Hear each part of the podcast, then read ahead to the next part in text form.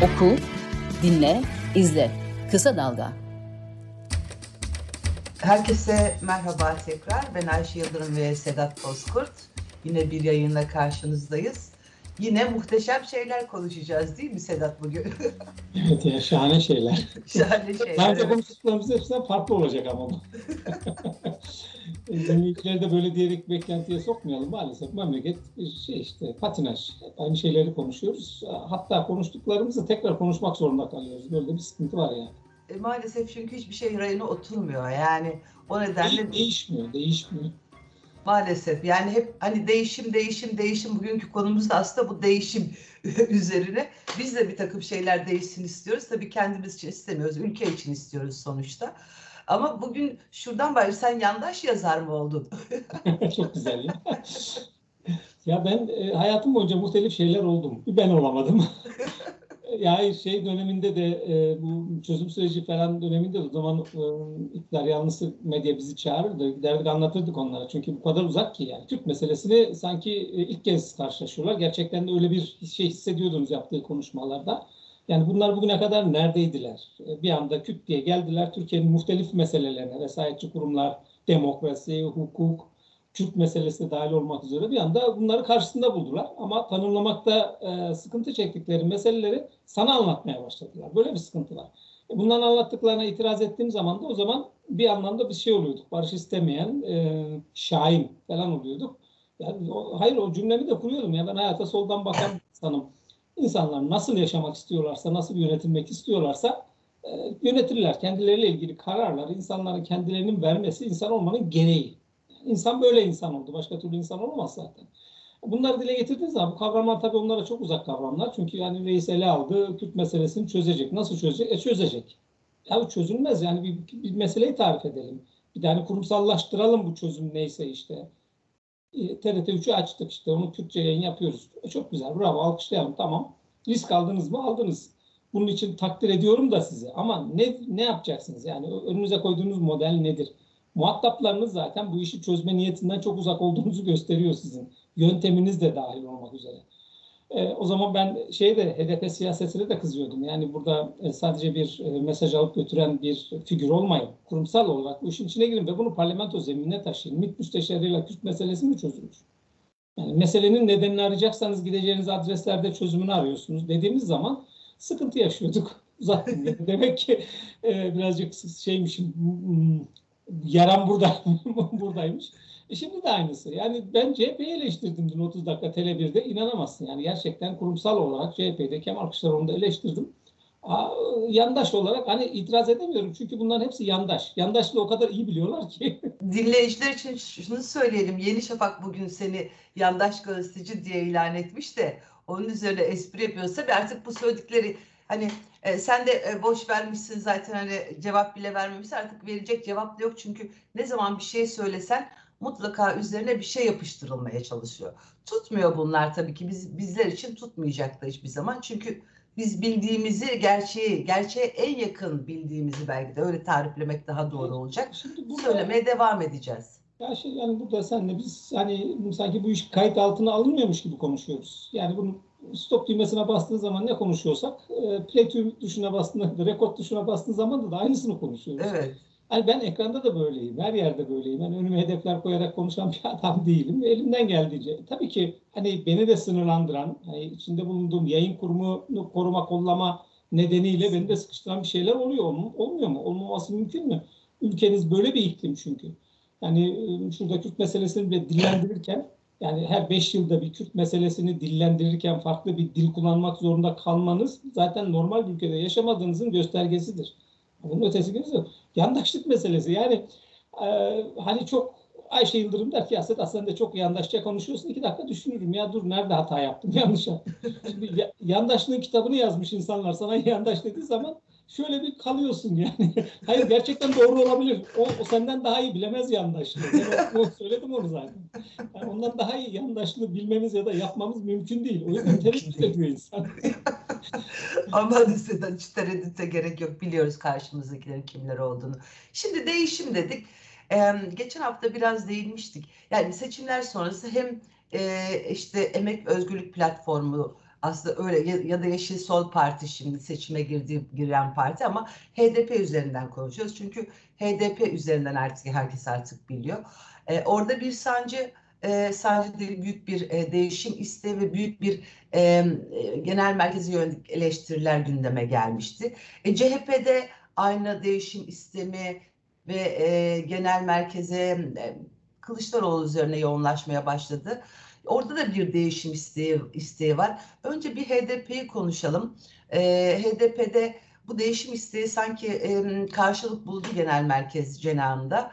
İşte HDP eş genel başkanları kurultayda aday olmayacaklarını açıkladılar. E, bir e, konferanslar ve kur, kurul ilçe kongrelerinden başlayarak bir kurultay e, şeyde süreci de başladı. Ama belli ki bunlar çok heyecanlı geçecek. Eleştiri dozu yüksek olacak ve yeni bir yapılanmaya gidecek. E, önümüzde de yerel seçimler e, yani çok az bir zaman kaldı. Belki bu yerel seçimlerin yaklaşması da her iki partiyi de evet tabii toplumu da çok sıkıştıran kısa bir süreç olduğu için oradaki dalgalanmalar yerel seçimleri de etkileyecek. Bir an önce partilerin e, toparlanması ve yerel seçime odaklanması lazım ama süreç yetecek mi yetmeyecek mi bu da önümüzde duruyor. E, HDP Yeşil Sol Parti üzerinden e, sanki oradan girecek gibi ben de geçen hafta onu öğrenmiştim. Yeşil Sol Parti üzerinden gitmeyi hedefliyor diye. Orada da bir değişim olacak. Yeşil Sol Parti genel eş genel başkanları da değişecek. E, sen e, farklı bir şey gördüğümüz süreci nasıl değerlendiriyorsun? Önce bir de HDP'yi konuşalım sonra CHP'ye geçelim istiyorum. Yani bugün e, HDP siyaseti olarak ben adlandırayım. Yani Yeşil Sol, Hı. Emek ve Özgürlük ittifakından daha ziyade HDP siyaseti muhtelif baskılara muhatap oldu. E, partileri kapatıldı. E, devlet tarafından bizzat baskılandı. E, devlet tarafından dar bir alana sıkıştırıldı. E, bunun muhtelif politik nedenleri vardı. Bunlar uzun uzun konuşuruz. Ama bir HDP siyasetinin rotasını, hattını ve geleceğine dönük bir şey değerlendirme yapacaksak bunları bir göz önünde bulundurmamız lazım. Bugüne kadar bu baskıların tamamı HDP siyasetini büyüttü. Bir araya getirdi, kenetledi, genişletti. Yani politik olarak da genişletti. Yani dar bir kadro, kadrodan daha ziyade ya da yani belli bir seçmen kitlesine, belli kimlikli seçmen kitlesine hitap etmekten daha çok, daha geniş bir e, seçmen kitlesine ulaşmayı önüne hedef olarak koydu ve bunu başardı. Bunu başardığı yer neresiydi? 7 Haziran 2015. %13,5 bir e, oy. Bu buraya nasıl gelindi? Bir, ciddi bir çözüm süreci ki bu HDP siyasetinin için kazanımdır. Devlet masaya oturttu ve en azından bazı şeyleri konuşabilir noktaya taşıdı. Bununla yetindi ama. Siyaset bununla yetindi ve bunun e, devam edeceğini düşündü. Oysa ki karşıdaki insan için bu çözüm süreci de, çözümden sonra devreye soktuğu terörle mücadele süreci de e, seçim kazanmaya yönelik hamleler. Tabii. Bunu, bunu, bunu okumakta sıkıntı çekti. Çünkü ilk kez işte devlet kapısında polis bekleyen, asker bekleyen koca koca devlet binalarına HDP'yi temsil eden insanlar alındılar. Kabul gördüler, dinlendiler. Onlarla belli bir aşamaya varıldı. Ee, bu, bu, bu öyle bir ortama, böyle bir zemine, böyle bir işleyişe hazır olmayan bir kadronun orada bulunduğunun göstergesiydi. Ve oradaki irade de zaten bir anlamda bir bizzat iktidarın kendisi tarafından ulaklaştırılmıştı. Yani bir kargo, bir postacı görevi haline dönüştürülmüştü. Buna da bir itiraz gelmedi. Parlamento zemininden çıkmıştı. Yani parlamento zeminine taşınamamıştı. Parlamento zeminine taşınıp parlamentoda temsil edilen bütün partileri kapsayan bir süreç yaşansaydı iktidar da kolay kolay bunu araçsallaştıramazdı. Ama Tabii. bunların hiçbiri o zaman tartışılmadı. Çünkü direkt e, Öcalan'la e, ilişki kurulduğu zaman bugün şu şöyle bir tablo ortaya çıktı. Ben o zaman bu cümleleri kurmuştum.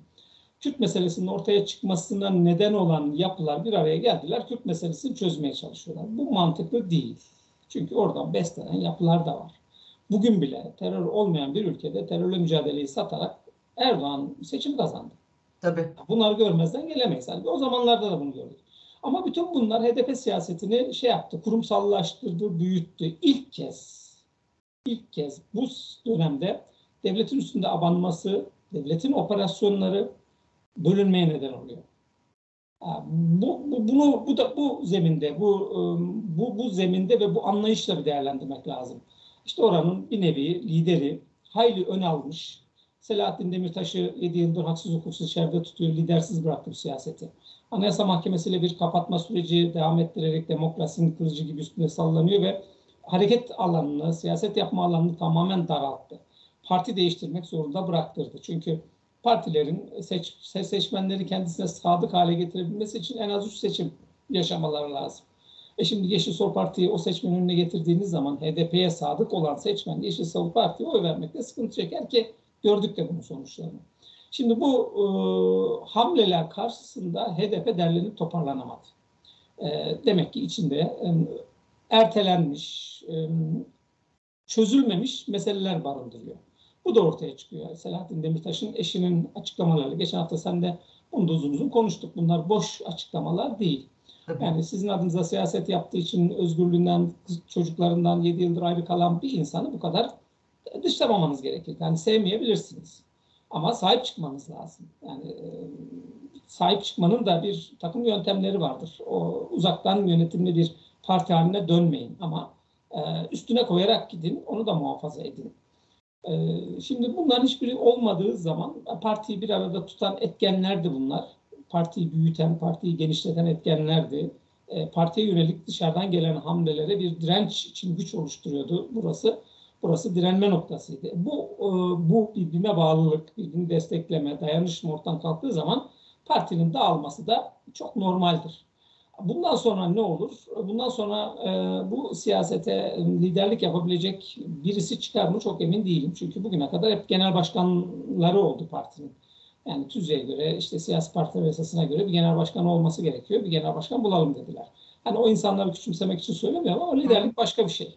Tabii. E, olmadı. Lideri olmadı. Bir de lideri içeride e, haksız hukuksuz e, tutuluyor.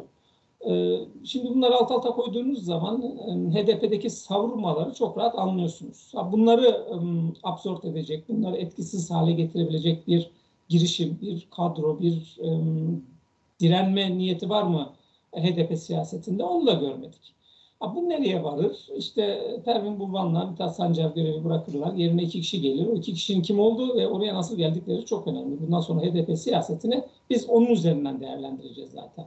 Yani gerçekten HDP siyasetine liderlik edecek ve düne kadar kendisini bu noktaya taşıyan sol sosyalist yapılarla, partilerle ittifakını ısrarlı bir şekilde, onlar istemese de ısrarlı bir şekilde sürdürerek o çizgisini muhafaza edecek mi? Çünkü HDP siyasetine bir politik kimliğe kazandıran, politik rotaya oturtan, beylik bir cümle etmek istemem ama sol sosyalist harekettir. Yani yoksa şimdi e, işte bir gene omurgasını Kürtlerin oluşturduğu bir Hüdapar diye bir hareket de var orada. O niye ilerlemiyor bulunduğu yerde ki iktidara, e, iktidarın sırtına bindiği zaman e, iktidarın sırtından parlamentoda temsilci falan da bulunduruyor. Ama o muhafazakar sağ siyasette geleceğiniz yer orasıdır. Ama hedef öyle değil. Yani özgürlük, demokrasi yani solun bugüne kadar mücadelesini verdiği, bedel ödeyerek kazanımlar elde ettiği bir alana siyasetin taşıdığı için büyüdü. Ha, bunu da ısrar ederse e, bu büyümesi şeyde kalmaz. E, yani boşa çıkmaz. E, amacına ulaşır, sonuç alır. Kim tekim örneklerinde gördük. Hani biz de o zaman keyifle HDP siyasetini e, rahatça da eleştiririz yani. Böyle bir olanağımız da çıkar, böyle bir imkanımız da çıkar. Çok da iyi olur. Hatta e, HDP'nin biz eğitim politikasını eleştiririz. HDP'nin ekonomi politikasını eleştiririz. Öyle bir gündemle gelir ki e, Türkiye gündemine öyle bir e, fikirle ya da e, vaatle, projeyle çıkar ki siyasetin asli unsuru olan ekonomi politikasını eleştireceğimiz bir HDP çıkar karşımıza, HDP siyaseti çıkar karşımıza. Bunlara ihtiyacımız da var. Çünkü mevcut siyaseti görüyoruz. E, siyasetsizlik hakim her yerde. HDP de bunun e, peşine takılmış vaziyette. Gelecekte yani HDP siyaseti bir kendisine anladığım kadarıyla format atacak ama bu baskılar karşısında savrulması oradaki yapının temelinin birazcık e, sıkıntılı olduğunu da göstergesiydi. O da ortaya çıktı.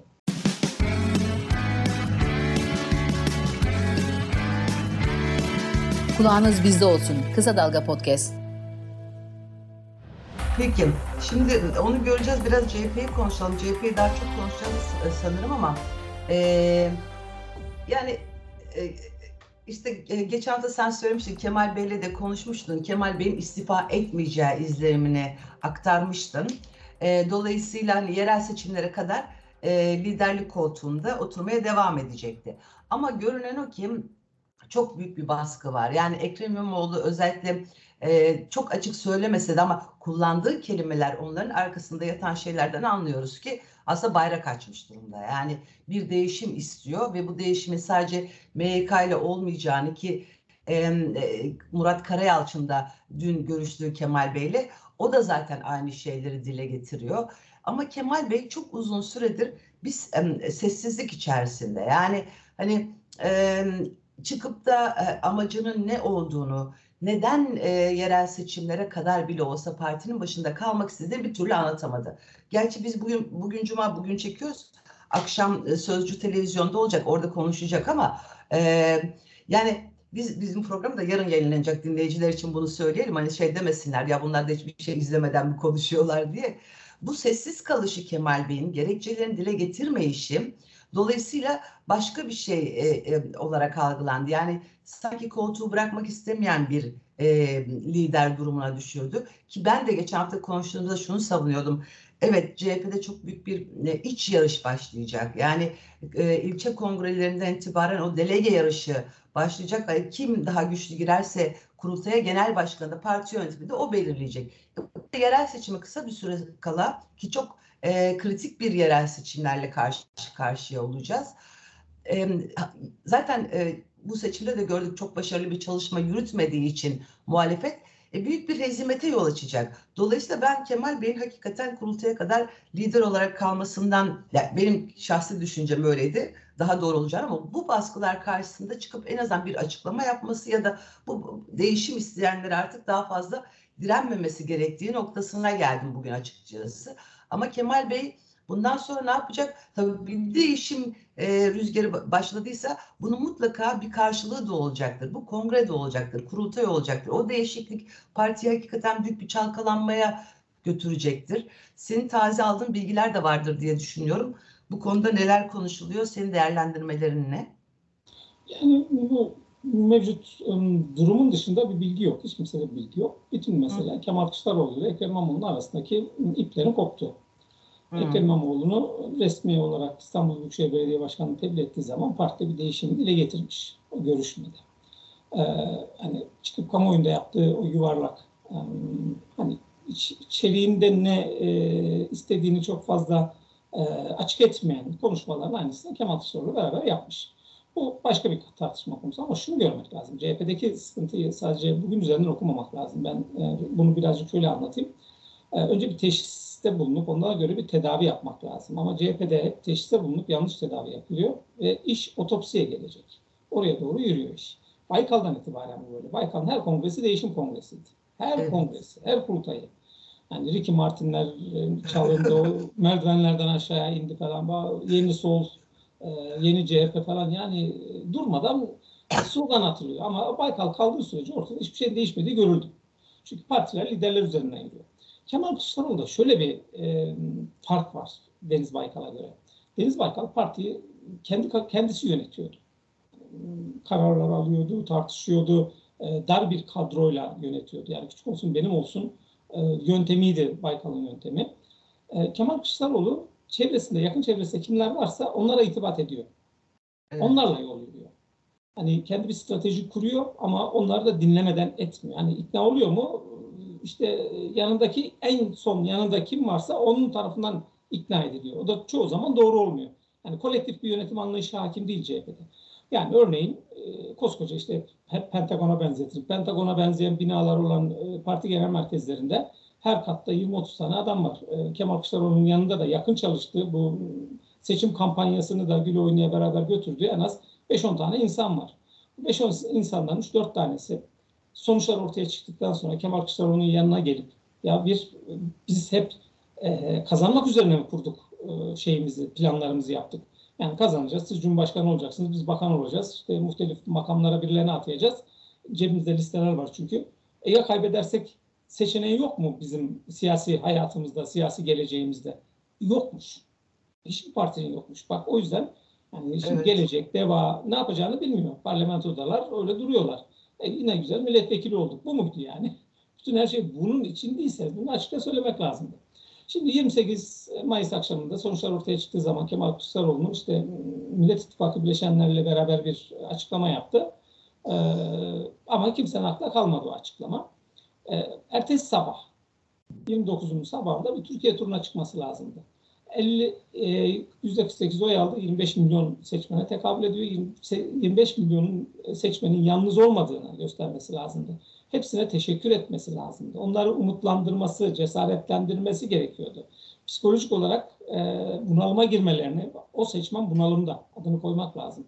Çökmelerini engellemesi gerekiyordu. Bunu yapmadılar.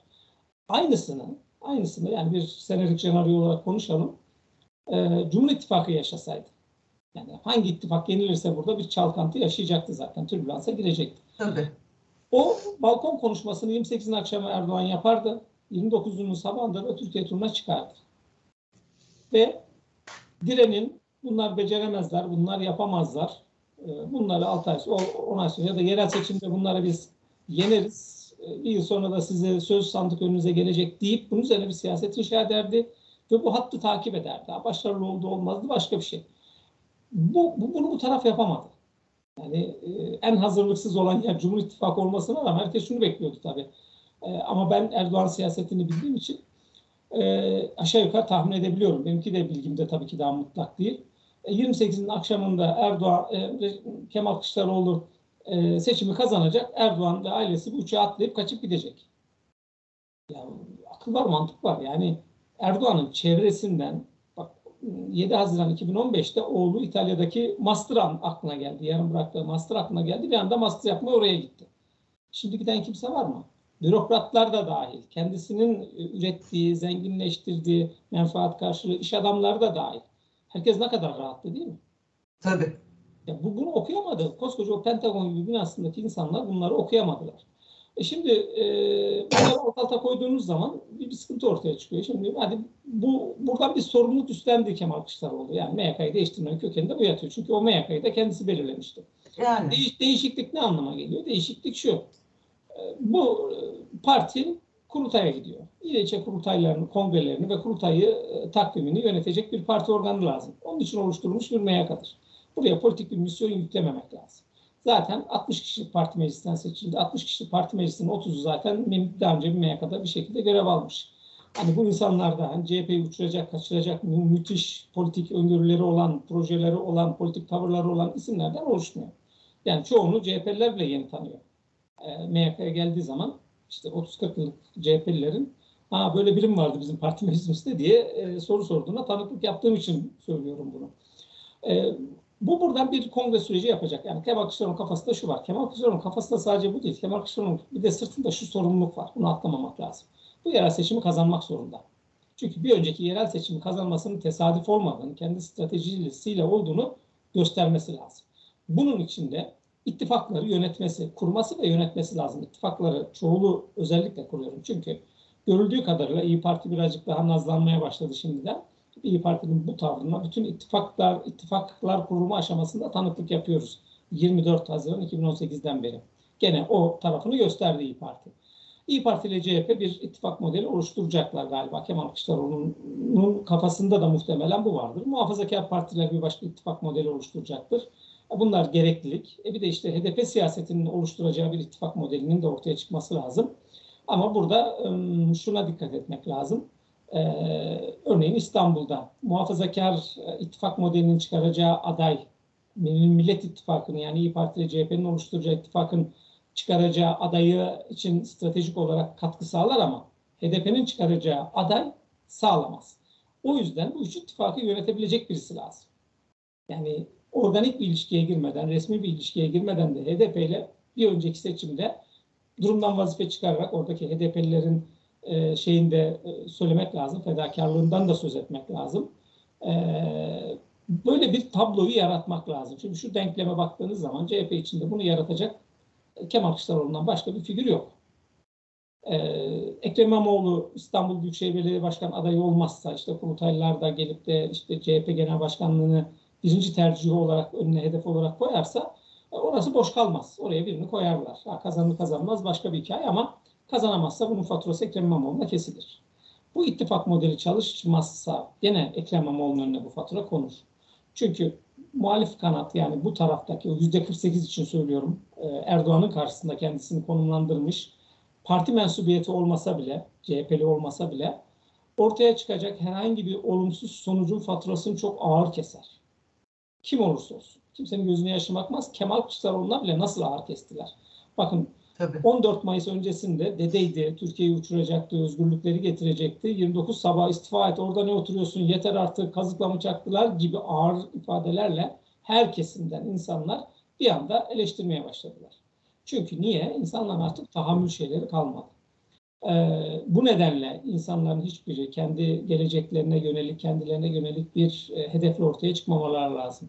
Masayı devirdiği zaman Meral Akşener'in başına gelenler, ben ayrı listemle gireceğim dediği zaman tipin başına gelenler e, bir e, öğretici e, olarak bir köşede hatıralarda bulunması lazım. O nedenle Kemal Kılıçdaroğlu ben genel başkanlığı bırakmayacak. Kurultayı ne zaman toplarsa genel başkan olacak. Parti meclisi bir şekilde oluşacak. E, oluşacak parti meclisinde blok listeyle gitmezse, çarşaf listeyle giderse muhtemelen yarısı kendi listesinin dışındaki isimlerden oluşacak. Ama sonuçta CHP'nin onayıyla, CHP'li delegenin ki en profesyonel e, CHP'lilerdir delegeler. Onların tercihleri oraya geleceği için CHP açısından karşılığı olan isimlerden oluşacaktır. Yani sıradan isimlerle oluşmayacaktır muhtemelen. Onlarla bir siyaset kurgulayıp e, muhtemelen yerel seçimleri geçirecektir.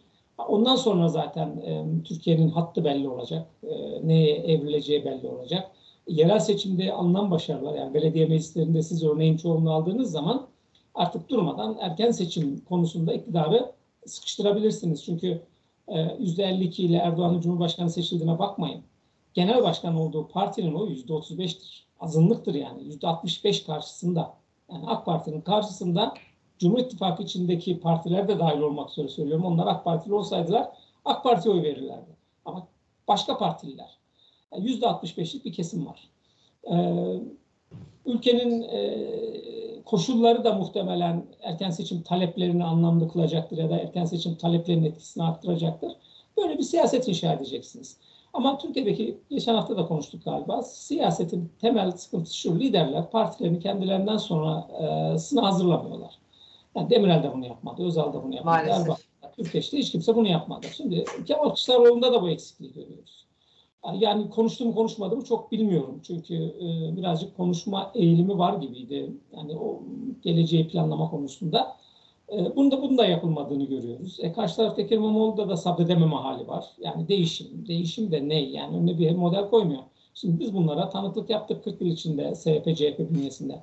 Yani SHP'de örneğin muhalif bir hareketti. Baykalcılar dizip hareketiydi. Politik bir kimlikleri yoktu. Örneğin sol kanat da vardı. Onların politik bir kimlikleri vardı. Ne istediklerini söylüyorlardı politik taleplerini dile getiriyorlardı. E, Baykalcıların tek te talebi vardı. Baykal genel başkan olsun. Genel başkan olduktan sonra ne olacak? E, orası önemli değil. Önemli olmadığını küçük, gördük. O küçük olsun bizim olsun politikasıydı. E, tabii aynen oydu. Bir de gördük yani yüzde dokuza kadar barajın altında tarihinde ilk kez düşmüş bir CHP ile karşılaştık. E şimdi de değişim. Değişim de tamam ne? yani bunun altını bir doldurmak lazım. Yani Kemal Kılıçdaroğlu yapamadı ve senin ne yapacağın ne var? Üç seçim kaybettin. Üç seçim kaybetmediniz. Üç seçim Erdoğan kazandı. Yani adını koyarak ilerlemek lazım. neden kazandığını bir e, değerlendireceksiniz. Sen İstanbul'un nasıl kazandığın da önemli. Yani ikinci seçimde 800 bin oyla kazandın. Bu senin siyasetin ürünü değil ki. Tabii. Onların yaptığı yanlışın ürünüydü. Tepki oydu o 800. 800 bin farkı muhafaza ediyor musun? Soru bu. E şimdi bunların hepsini alt alta koyduğumuz zaman Kemal Kılıçdaroğlu bence kalır. Ben onu o izlenimi edindim de. Ee, hani denkleme e, bir denkleme yerleştirmeye çalıştığınız zaman da Kemal Kılıçdaroğlu'nun en azından e, yerel seçimler sonrasına kadar e, kalmasının CHP açısından da CHP'nin oluşturacağı, yöneteceği, yörüngesinde bulunduracağı ittifaklar açısından da mantıklı olduğu gibi bir sonuç ortaya çıkıyor. Yani işler işlemez başka bir tartışma konusu. Tabii burada şey de çıkıyor yani biz senaryolar üzerinden konuşuyoruz ama Kemal Kılıçdaroğlu kalırsa e, zaten e, İmamoğlu bayrak açtı. O zaman İstanbul Büyükşehir Belediye Başkanlığı'na da aday olmayacak demektir. Yani her halükarda parti içinde e, bir e, bundan sonra ikili bir e, kutuplaşmaya sahne olacak. Öyle görünüyor. Bir şey söyleyeceksin galiba orada. Şimdi tam öyle. Şimdi Murat Karayalçın dönemini ben dün bir yayında, e, Tele1'deki yayında örnek vermiştim. Sabahleyin fikri sağlar vardı benim. E, ve orada Kemal Murat Karayalçın'ın söylediği bir şey vardı bana. Ben onu aktardım. Yani örneğin Murat Karayalçın CHP Genel, e, SHP Genel Başkanı olduğu zaman mevzuat belediye başkanlığıyla parti genel başkanlığını bir arada yürütmesine müsaitmiş.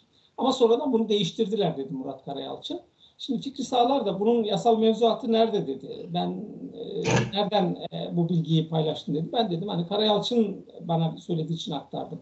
Şimdi bu mevzuatın o zaman tartışıldığında hatırlıyorum ben. E, yani hayal meyal hatırlıyorum. Tam hatırlamıyorum. Çünkü memleket memleket değil ki. yani 12 Eylül Anayasası dediğiniz şey yani değiştirelim bu darbe anayasası diyorlar. %90 değişmiş bir anayasa. Ne darbesi? Yani darbe, darbe anayasası olması bırakın artık bu anayasa bile değil. Uyurmuyor çünkü. Şimdi e, bu, bu da bir sorun sıkıntı. Hani ben İstanbul'da çıkayım belediye başkanı seçileyim ondan sonra da CHP genel başkanı olayım olamıyorsun galiba anladığım kadarıyla. Bir de hani şimdi Ekrem İmamoğlu iktidarın çok rahat müdahale edebileceği bir alan. Yani önünü açabilir de, önünü kapayabilir de bu Ekrem İmamoğlu'nun CHP'nin içinde iktidar açısından yapacağı hamleler iktidarın ne kadar yarar ya da hangi pozisyonunda yarar? Yani siyasi yasaklı hale getirirsem mi CHP'nin içine daha iyi müdahale ederim? Yoksa siyasi hale yasaklı hale getirmeden önünü açarsam mı CHP'ye daha iyi müdahale edelim, edebilirim e, düşüncesiyle hareket eden iktidar için çok e, ne demek lazım? E, uygun bir alan haline geldi Ekrem İmamoğlu. Bunu da göz ardı etmemek lazım. Evet doğru söylüyorsun. Peki süremiz bitti. Ee, herhalde önümüzdeki hafta gene bu konuları konuşacağız. Kemal Bey'i de dinleyelim bakalım daha neler olacak CHP'de. Teşekkür ediyorum Sedat. Görüşmek üzere. Görüşmek üzere. Hoşçakalın.